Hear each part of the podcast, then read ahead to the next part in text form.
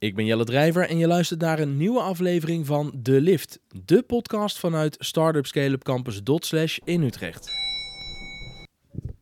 Ja, Abdel, als ik jou nou, uh, jij bent van Triadmin, als ik jou nou eens vraag om jouw allerbeste tip voor ondernemers hier op de campus, en dan bedoel ik natuurlijk een fiscale tip als ze 2021 aan het afronden zijn. Wat zijn nou dingen die ze gewoon echt niet moeten vergeten? Welke voordelen zijn er? Uh, of valkuilen waar je je buren voor wil behoeden? Nou, de tip, die bestaat helaas niet, omdat je heel veel verschillende ondernemers hebt, verschillende uh, constructies. Maar een tip voor mensen of ondernemers die personeel hebben en die zelf in loondienst zijn in hun eigen onderneming, in een BV bijvoorbeeld. In 2021 mag je de WKR, de werkkostenregeling, toepassen mag eigenlijk elk jaar, maar alleen in 2021 is het percentage verhoogd tijdelijk naar 3% van, het, uh, van de loonsom. En dat betekent dus dat een ondernemer van, van die WKR mag je kerstpakketten en dergelijke mag je ook allemaal eh, als vergoeding en verstrekking uh, geven aan je uh, werknemers. Maar je mag ook aan jezelf een soort van bonus mag je uitkeren. En binnen die WKR? Binnen die WKR, ja. En uh, die bonus, er is een beleid uh, goedgekeurd. Dat een bedrag tot 2400 euro, als je dat aan jezelf uitkeert in de vorm van een bonus binnen die WKR, dan is dat belastingvrij, hoef je geen loonheffing over te betalen. En aan de andere kant die mag je wel als kosten opnemen. Dus je resultaat gaat wat naar beneden met 2400 euro. Ja, en dat mag je voor jezelf doen als je zelf bij de werkmaatschappij op de loonlijst staat. Hoe zit het dan voor ondernemers die dat via een holdingconstructie doen? Het is precies hetzelfde. Als je in een, in een holding uh, in loondienst bent, dan kijk je ook naar de loonsom van die holding. En dan mag je die, die procent ook uh, aan jezelf uitkeren als die maar onder de gebruikelijke regeling valt. Dat betekent dus dat die niet, of althans de Belastingdienst heeft goedgekeurd dat een bedrag lager dan 2400 euro goedgekeurd is. En als je nou een medewerker denkt, hij die heeft het afgelopen jaar echt goed gepresteerd en die wil je toch een extra beloning geven, is het dan ook slim om die beloning, die bonus, juist onder het mom van een WKR uit te keren aan die medewerker, zodat je tot 2400 euro belastingvrij kunt schenken, als het ware? Jazeker, die 2400 euro die geldt eigenlijk per werknemer. Dus als jij een loonsom hebt van een miljoen, dus 3%. We zijn op een start-up scale-up campus, hè, op Dels. Ja, ja, ja. Ik geef maar een voorbeeld, hè. Rekent lekker makkelijk. Rekent lekker makkelijk, ja. Dan heb je, dan heb je 3% is 30.000 euro. Nou, en als je 30.000 euro deelt door 2400, en dan kom je op een aantal keer dat je dat kan uitrekenen. Dus zoveel keer mag je het uh, uitrekenen. Ja, precies. Het is de totale loonsom. Daarvan mag je 3% als WKR. Dus als je 10 medewerkers hebt, dan is dat die 3%, maar dan wel gedeeld over die 10 medewerkers. Juist, dat is het helemaal, Jelle. Dus als je nog eens een keer een, uh, een elektrische fiets of iets uh, wil weggeven aan een collega ja. die dan vanaf nu die auto laat staan, gebruik die WKR daarvoor. Ja, hartstikke goed. Ja. Denk je dat jouw uh, compaan aan de overkant ook nog een dikke tip heeft voor ondernemers? Je zou het, je zou het kunnen, kunnen vragen als hij als die daar zin in heeft. ja, ik, ik denk, hij is inmiddels naar het toilet gerend, denk ik, want hij zit niet meer op zijn plek.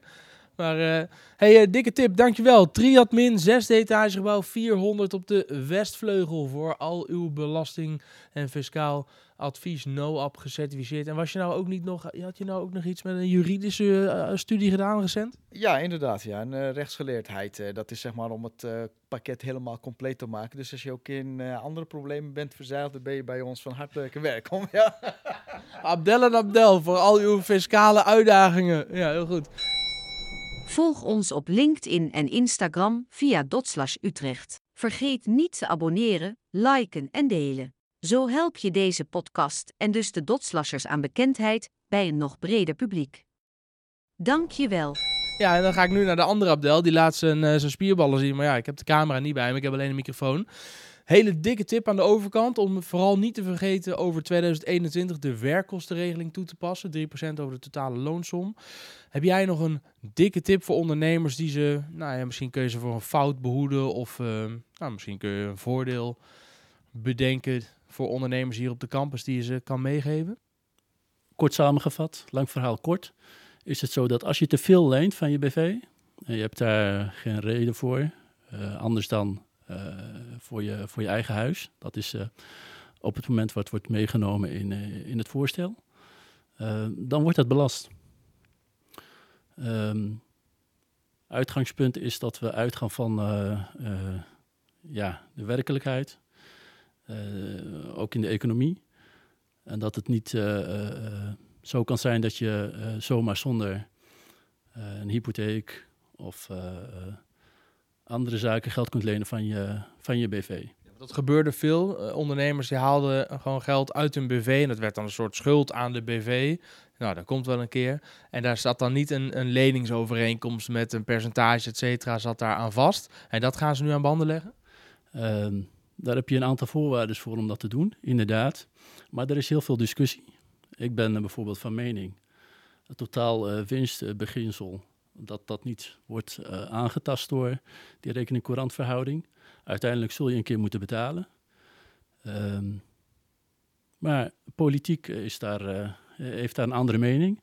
Dus er komt, eh, komt nieuwe wetgeving. En daar zullen wij ook als kleine ondernemer, directeur groot aandeelhouder, last van hebben. Dus daar moeten we ons goed op voorbereiden. En wat is jouw advies dan nu aan die ondernemers die al zo'n grote rekeningcourant hebben? Zeggen we, probeer dat eh, zoveel mogelijk terug te dringen nu. eh, al- eh, als je die middelen hebt in privé, probeer die schuld zo laag mogelijk te krijgen. Of is het meer een, een, een waarschuwing voor de toekomst met stop met te makkelijk geld lenen van je holding? Eh, het is eh, en-en. Als je, als je dat op dit moment zou kunnen doen, eh, zou dat goed zijn.